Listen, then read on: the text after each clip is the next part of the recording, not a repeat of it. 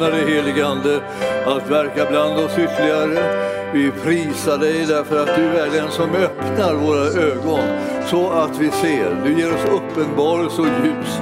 Du väcker tro i hjärtat på ordet som går ut så att våra liv blir förvandlade, så att vi blir målmedvetna och vissa om den väg som vi ska gå på och de gärningar som Herren vill att vi ska göra. Vi vill förhärliga hans namn med våra liv och allt det som han har talat vill vi ska gå i fullbordan. Och hans vilja ska vara församlingens så att säga, riktmärke så att ingenting annat uppstår utan just det som han vill, det vill vi göra. I Jesu namn. Amen. Amen. Tack lovsångare. Ja, eh, jag ska eh, predika lite grann idag och eh, det blev liksom lite, eh, lite speciellt sådär eh, för att eh, det var så att förebedjarna för på den, här, på den här morgonen som har bett för mötet och som kommer med de ord som de hade fått där. De kom med några ord som var precis det där som, som jag hade liksom fått en påminnelse om. Eh, jag var, var i kontakt med en profet som vi hade Eh, eh har haft besök av här eh, flera gånger och eh, han, han talade om det här året, alltså 2019. Och när han talade om det lite kort bara så, så, så, så, liksom, så liksom sjöng det till så här, så här i mitt inre. Och hans ord var att de profetiska orden som vi har fått som församling Eh, ska det här, eh, det här året gå i uppfyllelse i en väldig omfattning. Och ni förstår att, och, och då, då undrar man liksom, eh, vad, vad, har vi fått för profetiska ord? Ja, det var ju det som var så lustigt, liksom, eller fantastiskt på den gången. Det var ju det de hade fångat upp, ett av de där profetiska orden. De här orden, eh, eh jag hade, jag hade en, en profetisk dröm för jättelänge sedan. Jag vet inte riktigt när det var, men det var i begynnelsen av Arkens tid. Då. Eh, och, eh, och då, då satt jag själv som en gammal man eh, eh, ute i öknen. Det var natt och jag satt vid en eld sådär. Och, och själv var bara där och, och undrade vad i världen är det? Vad har, vad har det blivit av alltihopa? Vad, vad, vad, vad, vad gör jag här? Liksom, ungefär så där var det. Och så hörde jag som en dån. Liksom. Vad konstigt det dånar här mitt, liksom, mitt i öknen. Och så märkte jag liksom att det, det kom ryttare på hästar. Så våld, de kom med en våldsam fart. Liksom. Och de hade så här liksom väldiga slängkappor som fladdrade i vinden. Jag såg liksom, det, var, det var illrött och det var eh, klarblått och det var liksom gult. Och så här. Det bara slog i vinden så när de for fram med de här hästarna. Och när de kom precis, de red för full fart mot mig där jag satt liksom där, som en, liten prick liksom i den där elden. Tänkte, tänk, tänk om de inte bromsar, liksom, tänkte jag. Jag vet inte vad man säger eh, när det gäller hästar. Man bromsar dem kanske inte, men man, man, ja, man stoppar dem i alla fall. Och, eh, och, och, och sen när de kom precis i närheten bara, så, bara liksom, så, eh, så stannade de till där och det bara rykte om det så här. Och så, och så stod de och stirrade på mig allihopa. Jag tänkte så här. Och jag förstod liksom, när jag tittade, tittade, vi tittade på varandra, så tänkte jag, så här, va, va, va, vad, vad vill de? Tänkte jag. Och de väntade på, jag kände så här, de väntade på att jag skulle säga nu sticker ni iväg och gör det här. Jag tänkte, vad i all världen kan jag ha sagt till dem som gjorde att de var så ivriga på att liksom rida iväg? De ville bara ha, liksom en, de ville bara ha ett, en signal. Nu, nu, nu sticker ni! Och de var så här, så här. De var så ivriga så det bara liksom, det liksom sprängde i dem, både hästarna och de själva. Och jag tänkte, vad har jag sagt till dem som gör att de har blivit på det här sättet? Oh, och sen var drömmen över. Och när, jag gick, när, när, när jag vaknade ur den så gick jag tänkte på det här. Och jag är inte en person som drömmer drömmar. Min hustru frågar mig då och då när jag vaknar på morgonen, vad har du drömt? Det har hon frågat mig i åratal. Och jag svarar alltid ingenting. För jag är inte en, en sån drömmare. Men den här drömmen hade jag. Och den var så, jag kände att den var profetisk. Alltså. alltså att den var stark och den skulle infrias men jag visste inte riktigt vad det var som, jag, som den innebar. Jag gick och bad över det där och frågade Herren vad är det här för någonting. Liksom? Vad, är det som, vad ska jag förstå med den? Och eh, efterhand så kände jag, vad kan jag ha sagt? Ja, vad är det jag säger hela tiden? Ja, jag säger att vi måste få ut evangelium. Om ni har hört det, eller har ni inte hört det, har ni bara hört att jag, att jag säger att vi ska bygga församling? Det säger jag också. Det ska man göra, annars får man inte ut evangelium. För det är genom församlingen som evangelium kommer ut. Men jag menar, det är det här som jag säger hela tiden. Vad är det som gör att vi kan bli ivriga, att vi kan bli medvetna? Vad är det som gör att vi kan förstå att vi måste ha ut evangelium? Ja, det beror på församlingen. Alltså att om man hör evangelium, hör evangelium, så får man tro i hjärtat. Och man får någonting också som är innan där, man får hopp om att det ska kunna gå. Jag möter så mycket människor som när man pratar om det här med att föra ut evangelium så säger de så här, ja, man, ja, man skulle önska att man vågade liksom ta, säga någonting men det är inte så lätt och, och så. Och så vill de, vädjar de till att man ska säga nej just det, det är inte särskilt lätt och det, det, det är jättetrögt och ingen vill lyssna och är så här, så är det. Men så är det ju inte alls. Det, det är lätt att föra ut evangelium när man får litet hopp i hjärtat därför att man har hört evangeliet själv. Och när man har, man har fått tro i hjärtat så man övervinner hindren på vägen så man når fram till den här punkten då man kan säga det här är evangeliet om Jesus. Jag ska berätta för dig vem han är och vad han har gjort så att du kan bli lika glad och trygg som jag blir när jag tänker på vilken Herre jag har, vilken, vilken, vilken frälsare jag har, vilken, vilken makt han har att kunna förvandla liv. Det är inget liksom så här, ja, jag ska skämmas lite för det här evangeliet. Jag skäms inte för evangeliet. Paulus har redan talat om för oss, när vi läser det här så står det, jag skäms inte för evangelium. Varför då? Det är en Guds kraft till frälsning för var och en som tror. Så är det ju. Därför så är det så att frimodigheten kommer av evangeliet. Alltså. Det här, jag känner att, att det, var så, det var så konstigt med den där, den där drömmen. Och att samma dag som jag nu liksom skulle gå och predika så, så, så hörde jag ordet eh, nu. Eh, det här året ska de här sakerna gå i fullbordan. Och jag måste säga det, att jag är ju liksom inte, eh, inte särskilt förtjust i att liksom säga nu, det här året. För att jag, jag, jag känner på mig, jag känner mig nästan som en sån här, eh, vad ska jag säga, eh, profet som liksom är ute och säger någonting som de inte riktigt har täckning för. Men för mig är det liksom så här att, att jag, jag, jag, jag väljer att lita på liksom själva eh, känslan som jag fick när jag hörde ordet. Eh, eh, det är bättre att gå med ordet ut i det att det ska gå i fullbordan som är från Herren, som handlar om att evangelium ska nå ut, än att liksom reservera sig och tänka nu får jag vara försiktig om jag ska säga för mycket, jag vill inte säga för mycket. Utan jag, jag tror att, det, man behöver eh, våga sig på att ta kliv ut i tro också när det gäller framtiden. Framtiden liksom för oss är ju evangelium ut till människor. Och det betyder framtiden för oss är att stärka församlingen så att den har kraft och frimodighet att föra ut evangelium. Annars blir det här, blir det här bara larv. Man springer inte ut med evangelium ut, bara liksom helt flytande i luften. Så här. Utan man samlar sig som man i Guds församling och det är hans mening. Så gör man det i och genom Jesus Kristus går man ut som församling och för ut evangelium. Då blir det liksom en förlösning förlösning av en Guds kraft som kan förvandla människors liv.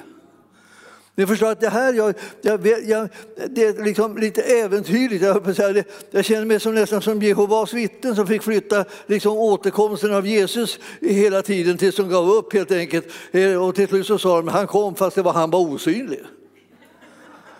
Det känns liksom lite ynkligt då, liksom från ett sätt att man har profeterat ut någonting som inte, går, som inte slår in. Men vet du, hur slår en profetia in? Ja, när det gäller profetior om, som gäller våra liv och så, det slår det in när vi tror på den kallelse som den innehåller. Du förstår att det här är, liksom, det här är, det här är ett, ett, steg, man väljer att ta ett steg in i det som är Guds vilja. Ja, det är inte så att man tänker så här, vad konstig profetia som helst, utan just det här att det är frågan om att föra ut evangeliet, att liksom få människor så bli så tända och få sånt hopp om att de ska kunna göra någon skillnad så att de i tro kastar sig ut i det som är Guds vilja och därmed så kommer evangelium att sätta sig i rörelse ut till människor och då blir det skillnad och då, då, då kan man säga det, därmed så infrias liksom själva det profetiska ordet. Annars är det väldigt svårt så här. Man, man, sitter inte, man sitter inte när man får ett profetiskt ord och bara liksom sätter armarna i korset. Okej, okay, då sätter vi ner och väntar på att det ska ske. Ja, jättebra att det sker det här året. Då slipper jag liksom hålla på och vänta på det längre. Då, då. Men det blir ingenting. Det blir ingenting. Vad ska man göra med ett profetiskt ord? Man ska fatta tag i det, få hopp om att det kommer att bli, eh, och det kommer att bli som han har sagt och tro på att man ska få vara en del av det som för det här till fullbordan. Det går inte, det går inte liksom bara, bara liksom att tänka att nu ordnar Gud det, vad skönt, här kom det en profetiskt ord, halleluja, nu, nu kommer allting att ske. Ni vet, det var någon som var så intresserad bland oss här för, som liksom samlade på profetior. Så här. Vi fick en massa profetior av olika liksom, tjänster som kom hit och de samlade på det. Jag har en hel pärm med profetior. Och de är den ena tjusigare än den andra. Liksom då. Man kan säga så. Men eh, vad, vad ska jag göra med dem? Ja, eh, jag kan inte göra något särskilt med dem förrän de slår an i mitt inre. Då kan jag göra någonting med dem. Alltså nu, nu, nu, nu, talar jag till er om det här med den här gamla profetian som, vi, som, vi fick då, som jag fick då. Och jag delar det med församlingen då, så är det många som känner till att den, liksom, att den fanns. En del av er som har varit med så länge i församlingen kommer ihåg den här, den här eh, profetian, den här, den här drömmen. Och jag, jag ska säga att om vi, om vi sätter igång och börjar tro på att den någon gång ska slå in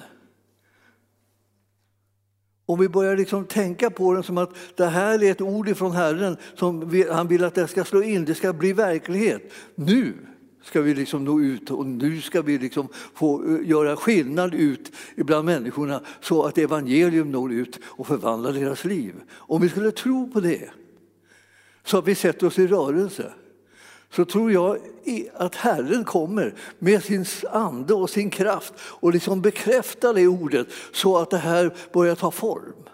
Jag tror inte liksom att det, det sker någonting om, om du och jag bara sitter och väntar. Utan jag tror att det handlar om att vi, vi tror att det här är en kallelse.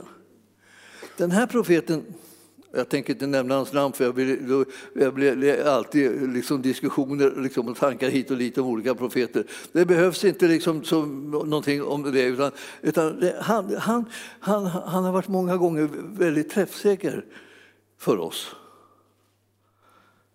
Och nu hörde, hade han det här ordet. Det här var liksom lite mer att det är Guds församling. Han sa att det är Guds församling, nästan som i hela världen.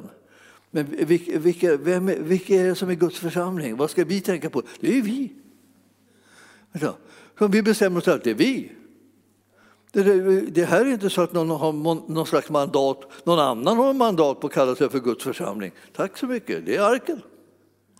Vi tar emot det, vi, vi, vi, sätter tro till det, vi sätter oss i rörelse in i det. Det är Herren som håller på att göra de här sakerna. Amen. Och om, om, om det inte är han blir det ingenting. Men du vet att eftersom vi redan vet att han vill det här som han talar om i det profetiska liksom ordet, att de här profetiorna ska gå i uppfyllelse som kommer från honom. Det blir ju bara de som går i uppfyllelse, det blir inte andra. Det plötsligt det blir någon annan profetia från, från någon som har missuppfattat alltihopa och liksom bara eh, ropar ut en önskning så här. Alla skulle kunna säga och ropa ut en önskan. Vi önskar att alla människor blir frälsta. Ja, men det är för sent. Gud har redan önskat det. Han vill att alla människor ska bli frälsta. Blir de frälsta då? Nej, alltså de, de, de, de blir inte frälsta med mindre än att det liksom ett, finns ett nu. Alltså, oj. Kära någon. Mm. Eh. eh.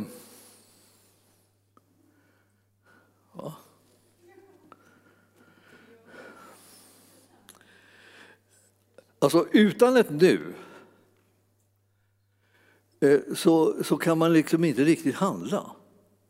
Man behöver ett nu. Det finns liksom alltid så här svepande ord som kommer från Gud.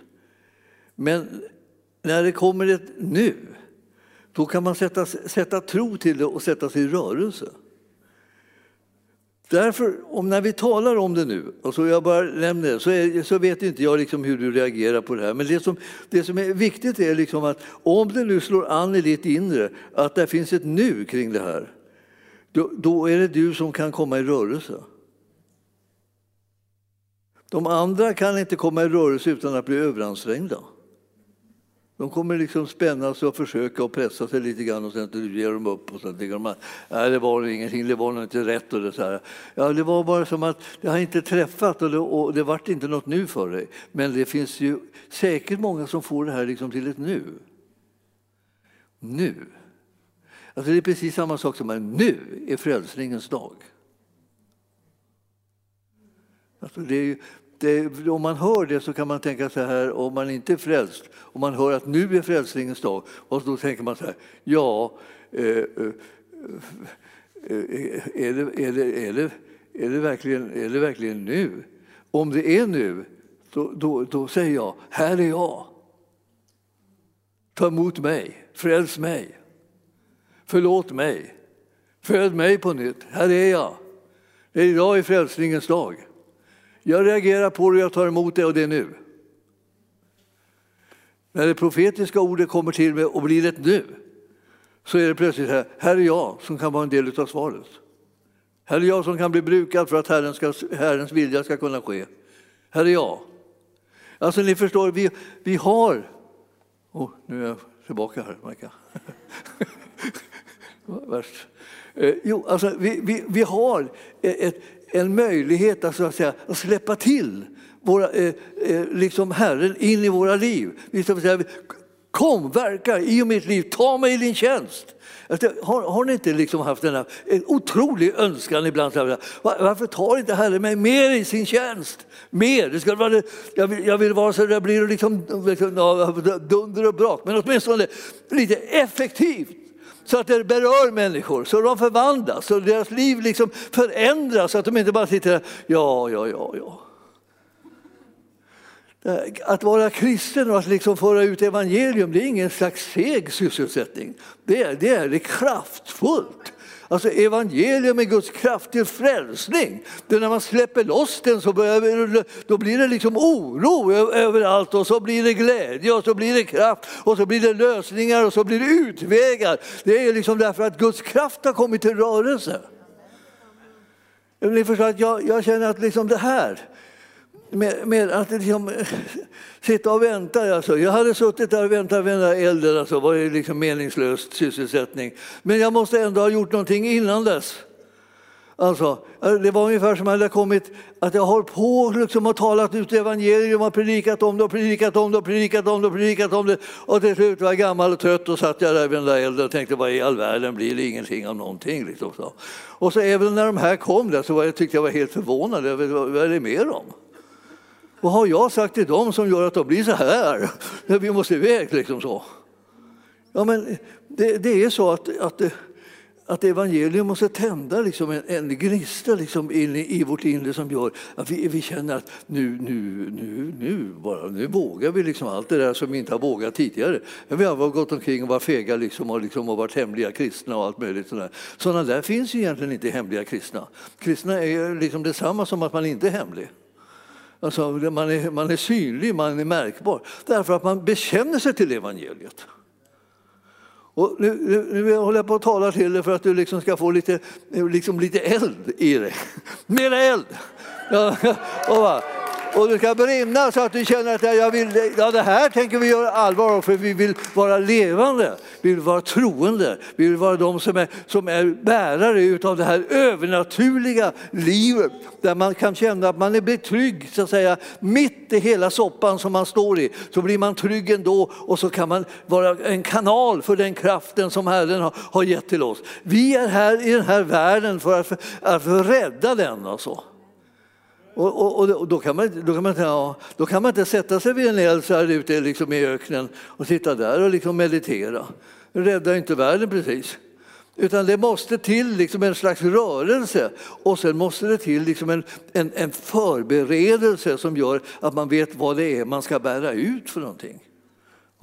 Var ska man bära ut det? Jag tänker ofta på så här, när man säger evangelisera så tycker jag så här, ja, vi ska evangelisera och vi ska nå den här, den här kommunen. Så då skulle, och så, så, här, wow, så springer alla ut och liksom försöker vittna liksom hit och dit. Och, sen, så, och, så, och så står jag här liksom och försöker undervisa var, varje söndag och onsdag och, och hålla på så här. Och i bibelskolan och vi, eh, vi undervisar och vi undervisar och så här. Och så tänker man så här, jaha, och, och, och de evangeliserar och evangeliserar. Och sen så måste man fråga sig till slut, liksom, vad blir det för resultat? Var är alla de som har blivit vunna?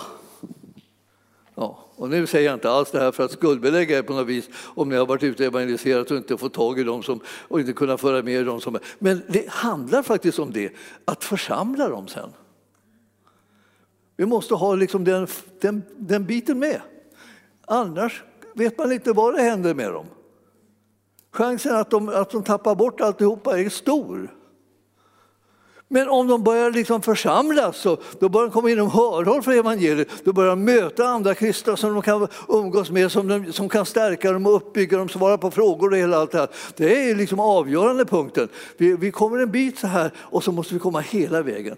Då måste man vara brinnande så man klarar av även den här vägen. En del säger så här, ja, mitt kallelse, säger de, den är bara liksom att föra ut evangelium. Jag har inte, jag har inte kallelse liksom att undervisa dem i den kristna tron eller, eller ta hand om dem eller hjälpa dem eller så här, i det praktiska livet. Eller, det är inte min kallelse. Ja, alltså om du inte har kopplat ihop med någon som är på det där sättet som kan följa upp det här, då är det ingen idé att du går ut. Om du förstår att du måste ta hand om en människas liv, alltså det är ungefär som att bli en nyfött barn. Man lägger, man har fött det, va? där ligger det. Oh, grattis! Och sen går man liksom. Och där ligger det.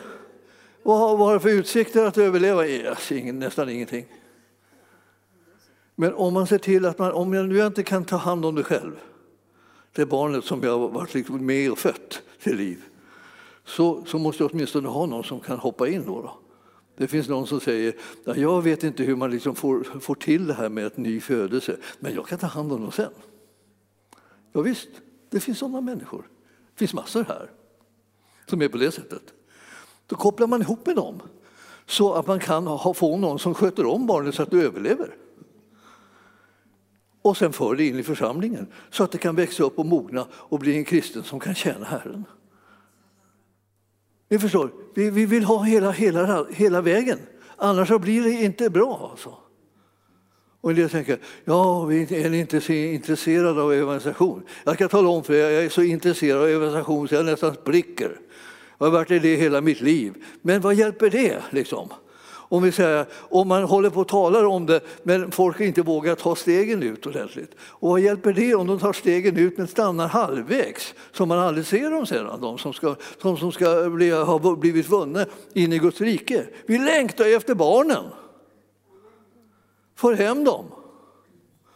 Så att de får en chans att växa och mogna. Det är så mycket föräldrar här som man håller på att nästan svimma när man tänker på det. Tänk vad ni är kapabla liksom att tala om vad e-, evangelium är, vad, vad Gudsriket är, vad Jesus har gjort. Vad, vad bra ni är på det! Ni, det är ju inte klokt. Ni, ni, är så, ni är så undervisare, så utbildade inom det här området så det nästan, ni nästan spricker liksom av all kunskap. Och, och så är det bara fattas barnen då. Kan vi inte kan vi inte starta ett, liksom ett, ett församlingsdagis Liksom. för, alla, för alla småttingar som ska ha blivit födda på nytt. Kan vi inte liksom starta en sån? Liksom så? Och så anmäler ni alla som liksom frivilliga medarbetare där för att ta hand om barnen. Så, så att det blir någon slags ordning på det här. De som evangeliserar liksom, de kan föra barnen, de vet vad de ska föra dem. Och de som ska eh, föra dem vidare och föra dem till mognad, de vet vad de ska göra. Alltså, det skulle man ju tycka var underbart. Vi längtar efter barn. Det, inte, det går inte bara att gå omkring och åldras. Själv, jag menar. Det klarar vi bra. Det behövs inga särskilda kraftgärningar för det. Det bara går av bara farten här. Va? Rynkorna kommer smygande från alla från håll och kanter. Liksom. Man känner så här, oj, oj vad jag blir mogen, oj, oj, oj. oj. Varför det? Vad ska du bli mogen för liksom? om du inte tänker ge det till någon? Du måste ge mognad och förstånd och, och insikter och erfarenheter vidare till de som inte har några. Jag, förstår, jag, satt i den här, jag satt vid den här elden i öknen. Jag hade ingen aning om vad jag liksom hade åstadkommit. Och plötsligt så såg jag frukten av mitt arbete. Att jag blev chockad. Jag tänkte, jag vågar knappt säga, eh, gör det! Skulle, det var det liksom de väntade på. väntade på. Att, alltså, ska jag säga till dem att de skulle göra det? Därför vi skulle ha en koppling. Det skulle vara en koppling mellan mig och dem. För att det de utförde skulle innebära liv för det, de människor de mötte och inte bara innebära liksom en liten, liksom ett litet hopp som tändes och som den dog. Förstår ni vad jag pratar om här? Alltså jag, jag, jag, jag, jag längtar efter att det ska liksom bli liksom någon slags normal funktion här liksom i församlingen så att liksom människor kommer hela vägen. Ja. Alltså ett enas, enastående alltså kunskapsbank och erfarenhetsbank som finns i församlingen. Alltså jag, menar, jag tänker så här, varför, varför står jag här och pratar till er? På säga? Ni, ni, ni, ni kan ju så jättemycket. Ja. Utom möjligen att omsätta det liksom så här ordentligt. För man har ingen att jobba med. Eller man, vill, man vill, vågar inte riktigt ta steget och göra det som man har blivit kallad till att göra.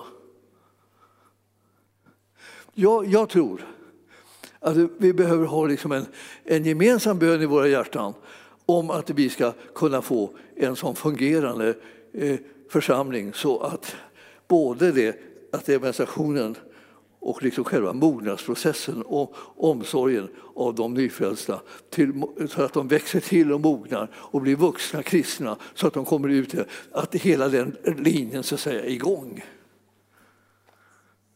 Och det, det, det, kan inte bli genom att de andra gör det utan det måste bli genom att du och jag bestämmer oss för att vi gör vår bit. Ja. Och då vet vi att en del liksom, de vill bara ut men de måste kunna hitta hem med dem som de har vunnit. Annars är inte det här att springa ut det är inte den stora konsten. Det är lika lite som att vi håller på att undervisa varandra, sitter här och undervisar varandra tills vi liksom nästan spricker av kunskaper.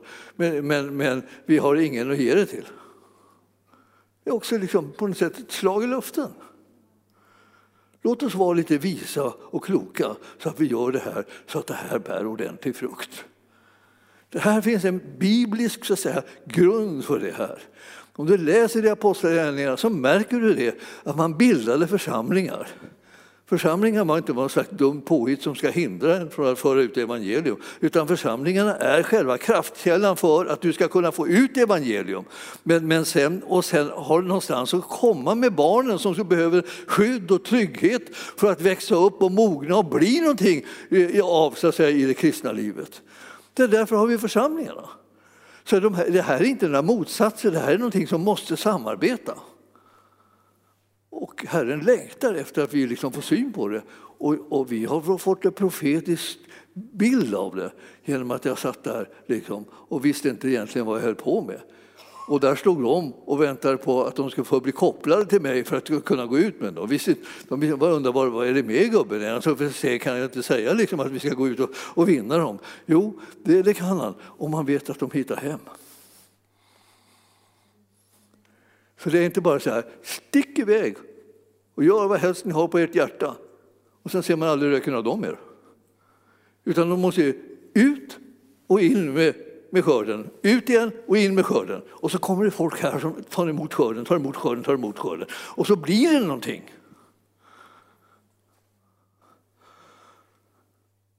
Ja, nu fick jag nästan lust att säga, de som inte fattar vad jag säger, räck upp en hand. Nej, vi tar inte det. Vi tar inte det. Det var liksom en dum, dum idé som bara flög upp i skallen på mig. Där. Men jag tänkte bara det är inte det här på något sätt självklart? ja, kära någon. Alltså.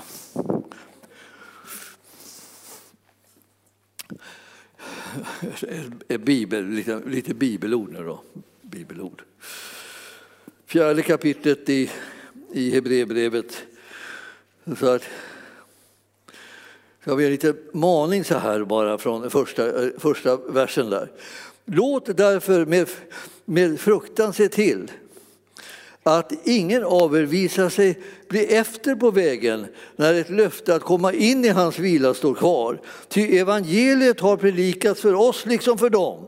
Men för dem så blev ordet som de hörde inte till någon nytta eftersom det inte genom tron hade smält samman med dem som hörde det. Det är vi som tror som går in i vilan. Och jag tänkte ibland så här, när man läser om vilan så är det nu för, nu, nu för tiden när människor på något sätt längtar efter någon slags vila, allmän vila så här, som nästan påminner om sömn. Så ska jag säga, vilan är liksom en, ett, någonting som finns i ens inre som gör att när man tjänar Gud och när man, när man lägger ner sitt liv för honom och när man ivrar och brinner för det som är, för ligger på hans hjärta eh, så, så blir man inte sönderstressad av det utan man har fortfarande en vila inuti. Det finns en vila som man kan finna som kan ligga inuti en och som gör att man kan göra Herrens vilja eh, för, för glatta livet. Alltså det, det, är så konstigt det där. Alltså för ibland är det så att en del, för en del liksom, när de ska göra Herrens vilja så liksom bara blir de jättetrötta och, och ger upp liksom, med en gång och är helt slut. Medan andra liksom kan göra det så, så blir, det verkar som de tröttnar aldrig. Vad är det för skillnad? De ena har fått tag i vilan i det inre och den här vilan behöver vi allihopa ha på plats. När vi har den på plats så har vi liksom en kraft så att säga, närvarande i vårt inre som gör att vi inte slits ut. I Guds rike ska man inte slitas ut. Vi har en outsinlig kraftkälla som bor i vårt inre, nämligen den helige Ande. Och han, han, han tröttnar inte, han ger inte upp, han, han, han håller inte på liksom och tänker så här, Åh, jag orkar inte mer, jag vill inte mer. Utan han vill bara styrka och uppbygga dig hela tiden. Så att du utan liksom någon slags gräns kan liksom tjäna honom och verka i hans kraft. Den outsinliga kraften. Den ska bevisas vara hans. Ja. Alltså jag, jag, jag känner ibland, ibland så kommer det bibelställen som man tänker, det var länge sedan jag läste det här bibelstället. Jag kommer inte ens ihåg var det stod någonstans. Den outsinliga kraften. Vad står, det, vad står det om outsinliga kraften? De som har det på tungan? Ingen. Är det, det är det det som är problemet? Vi vet inte var det står. Att vi har den osynliga kraften.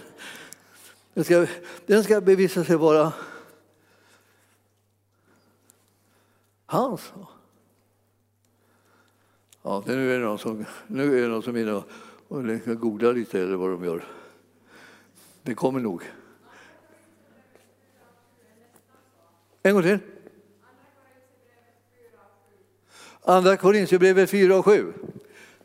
Tack. Då tittar vi där. Vi förstår att det här är liksom det där, vad, är utrustningen? Är det någon som liksom kan slita ut mig, ta koll på mig? Liksom? Jag vill att jag ska veta att det inte sker. För Herren är det den som, som har egentligen, eh, eh nu ska jag inte prata bort mig nu då, 4 och 7. Alltså, men denna kraft har vi i lerkärl för att den väldiga kraften ska vara Guds och inte komma från oss. Det här har vi liksom själva kärnan till misstaget som vi håller på med ibland. Alltså, vi försöker ta kraften från oss istället för från Gud. Alltså, han vill att kraften ska komma från honom. Den är outsinlig. Alltså den tar aldrig, aldrig slut. Alltså, är det inte så att ni liksom på något sätt lite i smyg åtminstone längtar efter den kraften? Alltså, att ni ville att den skulle bara flöda i ert liv. Alltså, det är där jag vill ha den. Den ska vara outsinlig.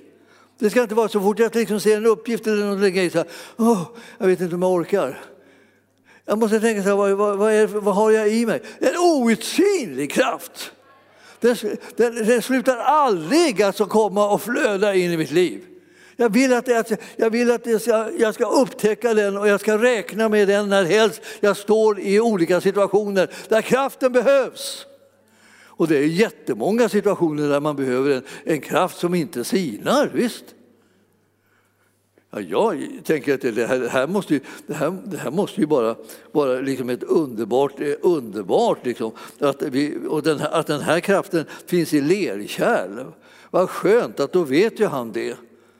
Det betyder det att eh, lerkärlet kan inte komma och eh, liksom åstadkomma egen kraft, utan det är den kraften som han har lagt ner i det här lerkärlet som är du och jag, som vi ska liksom använda oss av för att göra hans vilja. Det kan bli härligt alltså. Det är då man liksom kan börja ropa mera. När Herren ger en uppgifter och utmaningar skriker man mera, mera. Ja, men jag, när jag satt där i öknen, jag fattade inte liksom, hur i all världen, vad hade jag kunnat säga till de här som, som gjorde dem så otroligt laddade för att ge sig ut med evangelium? Vad har jag, jag sagt alltså? Själv kände jag mig inte laddad alls. Jag bara satt där liksom och, liksom och tänkte så här, nu, nu sitter jag här ensam i öknen, det blev ingenting. Men jag hade fel. De hade fått tag i den outsinliga kraften och stod inte ut med att inte få använda den. Nu, nu, är, det, nu är det vår tur alltså. Och det här är så här, eh, och så säger han där, då råkar han ut massa olika saker. Och titta där vidare i vers 8 då. Vi är på allt sätt trängda, men inte utan utväg, rådvilla men inte rådlösa, förföljda men inte övergivna, nedslagna men inte utslagna. Alltid bär vi Jesu död i vår kropp för att också Jesu liv ska bli synligt i vår kropp. Ty eh, vi, lever, eh, utlämna, ty vi som lever utlämnas ständigt åt döden för Jesus skull, för att också Jesu liv ska uppenbaras i våra dödliga kroppar. Så verkar döden i oss och livet i er och eh, då eh, vi har eh, samma trons ande som i skriftordet. Jag tror och därför talar jag också. Tror jag, vi också vi och därför talar vi. Och vi skulle kunna säga så här, det är samma princip som kommer i vi tror, därför handlar vi också på det. Vår tro är inte liksom så här att vi tror men vi, vi gör ingenting. Utan vi tror och då har vi tillgång till den outsinliga kraften så att vi kan handla på det och göra Herrens vilja. Eh, och så tänker jag, vad är, det här, är det här ett jobbigt budskap? Nej, inte för den som bryr sig om det här med att ta vara på kraften som Herren har lagt ner i varje troende. Hans ande har tagit sin boning i varenda en av oss. Den heliga ande är en outsinlig kraftkälla för att vi ska kunna göra Guds vilja. Utan Herren är det kört, men det visste vi allihopa förut. Med Herren är allting möjligt. Visste vi det också? Då kan vi börja bli de som säger ja till hans kallelser, hans uppgifter och hans utmaningar. Därför att han har gett oss en outsinlig kraft. Jag, jag, har, jag har ett, eh, ett annat eh, Hebreerbrev där till fyra. Vi går tillbaka lite igen. Jag måste läsa lite med en, en annan, eh, ett par verser där bara. Och det är ju från det är, vad är det, är det 12 till 13 vad var det som det var? Det handlar om gudsordet. Att det, gudsordet, när det kommer in i en människa, då blir det levande och verksamt.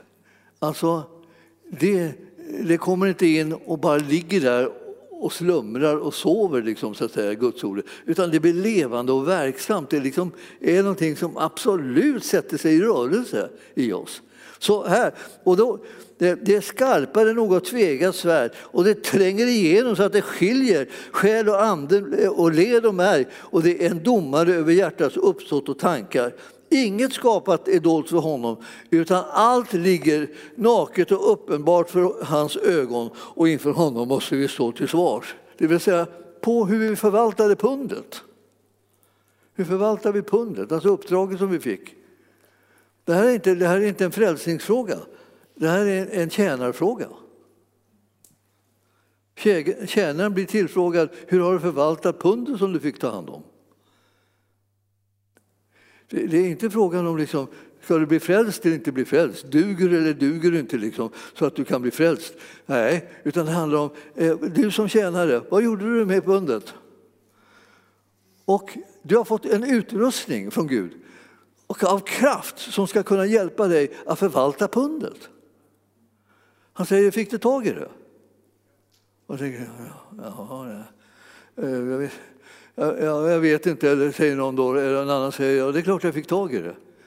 Jag gjorde, jag gjorde allt vad jag kunde med den kraft som du gav mig för att det här pundet skulle komma till sin rätt och bli en välsignelse. Ni vet att vi är kallade till att vara till välsignelse och tjäna Herren. Det är det som är vårt liv här på jorden. Det är inte, inte, vi håller inte på och försöker bli frälsta utan vi har tagit emot frälsningen av ren nåd som en gratis gåva i tro. Det är klart. Vad ska vi göra här på jorden? Vi ska göra hans vilja. Vi ska tjäna honom. Vi ska förverkliga hans plan. Vi ska utbreda Guds rike, det ska vi göra här på jorden. Så att det finns ett hem som människor kan ta sin tillflykt till. Så det finns ett hem dit vi kan föra alla de som blir nyfödda och, ska in i Guds rike. Så att det finns någonstans där de kan växa, någonstans där de kan få del av, av erfarenheter och vishet och förstånd från de som har gått före in i det andliga livet. Vi är, vi är, vi är, vi är liksom eh, utmanade till att vara Herrens tjänare i det här livet.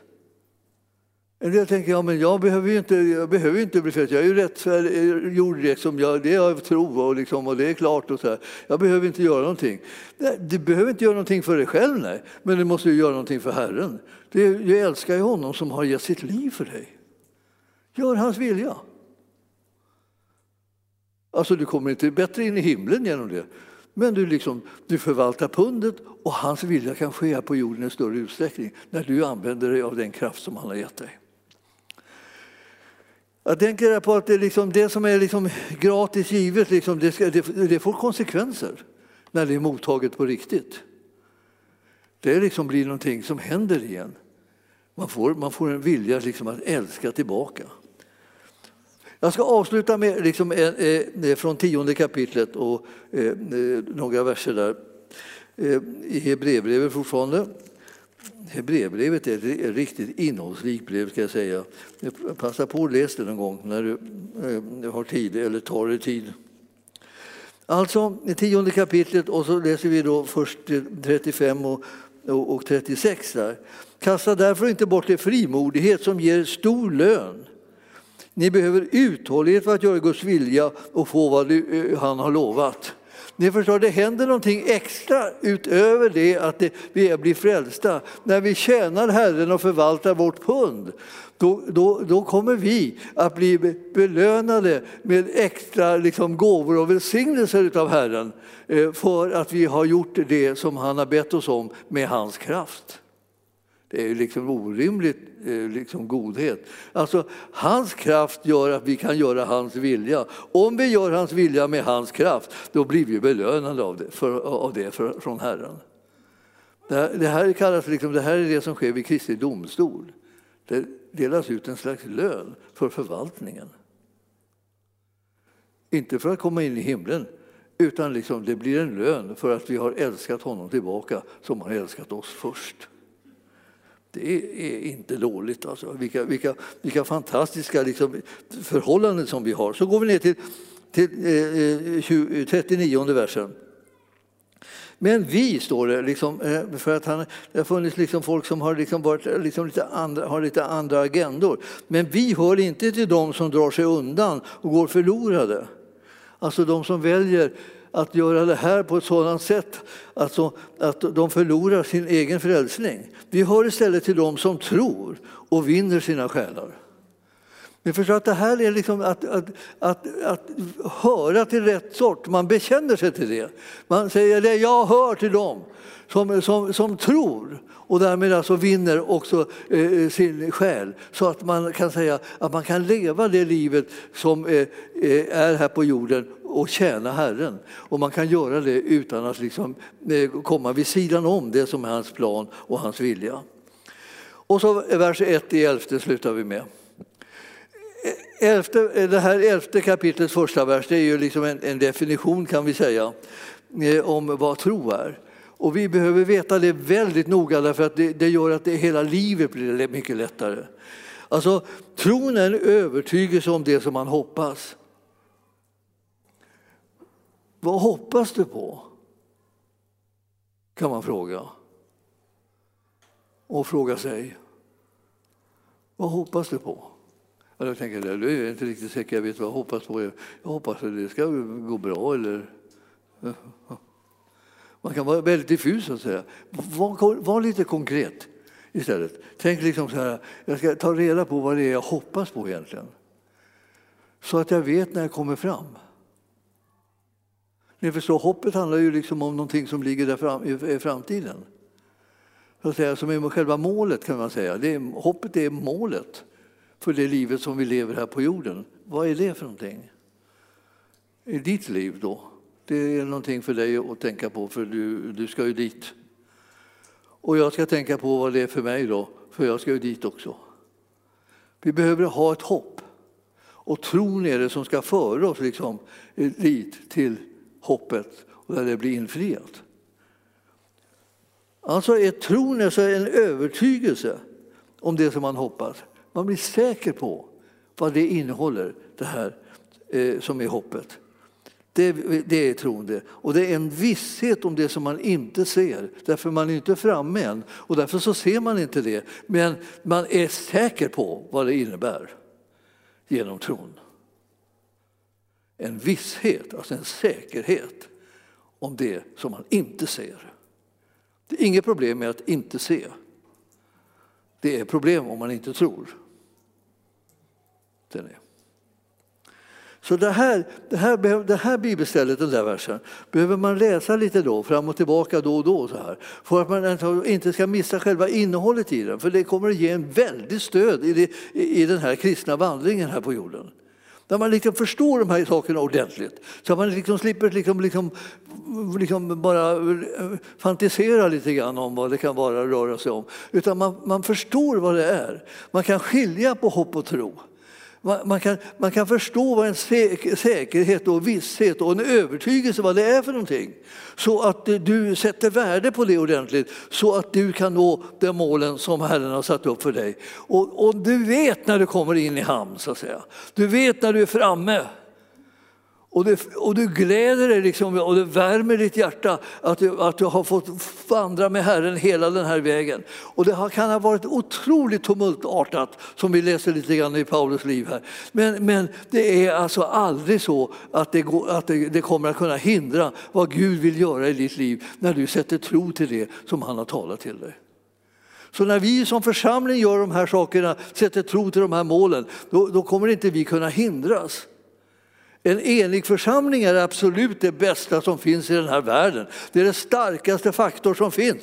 Vi kommer att kunna nå varenda mål som Herren sätter upp för oss. Och när vi, när vi ser de målen och när vi tänker på dem och när vi sätter tro till dem så vet vi det att vi kommer att komma i, i, i land, vi kommer att nå fram. Även om det dröjer, även om det händer massa saker som vi skulle säga, jag skulle önska att det absolut inte hände. Det här var det värsta som jag har varit med om. Och det, det, det finns massa saker som är liksom det värsta man har varit med om. Men det spelar inte så stor roll när man tänker på, kommer jag nå målet? Jo visst, målet kommer du att nå. För det är liksom det som är ditt hopp och det är det som du har tagit emot hela vandringen fram till det enda slut, till slutmålet i, med din tro. Herren, Herren har rustat dig för att nå målet. Men, men jag menar, vandringen är inte alltid enkel. Det behöver man inte berätta för en enda människa faktiskt. Alla har märkt det, att vandringen är inte är enkel. Och tror man bara att den är, bara kan vara eh, rätt om den är enkel, då har man ju extra problem faktiskt. helt i onödan. För det, man behöver inte alls hålla på och tolka det på det sättet. Utan Herren är den som har talat till oss. Och ju mer vi håller tag i hans ord och hans löften och sätter hoppet liksom i rörelse och, och tron liksom kommer och sätter till sin skuldra så kommer vi kunna med frimodighet tjäna Herren i den här världen. Och vi ska göra det både enskilt och som församling. Och utan liksom det här med församlingen, jag kommer ihåg, jag eh, skrev en bok om församlingen, eh, eh, om, om mig och dig och församlingen. Så är det så att det är när man är i församlingen som man ser vem man är. Det är inte så att församlingen liksom ska försöka komma på vem den, är, vem den är genom att titta på dig eller mig. Utan det, det, det, är vi som upptäcker vår funktion, vår plats, vår, våra gåvor när vi är sammanlänkade med de övriga i församlingen. Tänk på det lite grann, ska du få se. Vilket ljus man kan få över det och tänka, jaha, ja. Här håller jag på liksom hela tiden och försöker få till mitt liv. Om jag liksom glömde mig ett tag och försökte få till Herrens liv i församlingen tillsammans med syskonen så kommer jag märka vem jag är. Vad jag betyder, vilken välsignelse jag kan vara för både Herren och för syskonen. Himmelske Fader, vi ber att du kommer med din väldiga styrkas kraft och bistår oss så som du har lovat, Herre, så att inte någonting fattas oss när vi ska göra din vilja. Vi är, så, vi är så tacksamma över att vi får lära känna dig och att vi har fått det nya livet. Och vi tackar dig, Herre, för att vi ska kunna leva det livet och, och, och föra det helt ända ända fram så att ingenting av det som du har kallat oss till uteblir utan allting går i fullbordan.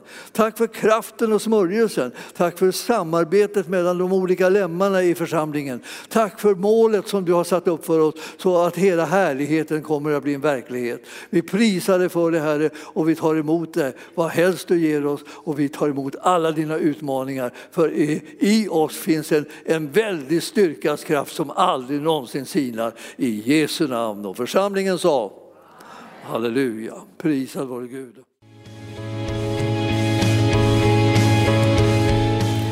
Tack för att du har lyssnat. Vill du få del av mer information om församlingen Arken, vår helande tjänst, bibelskola och övriga arbete, gå in på www.arken.org.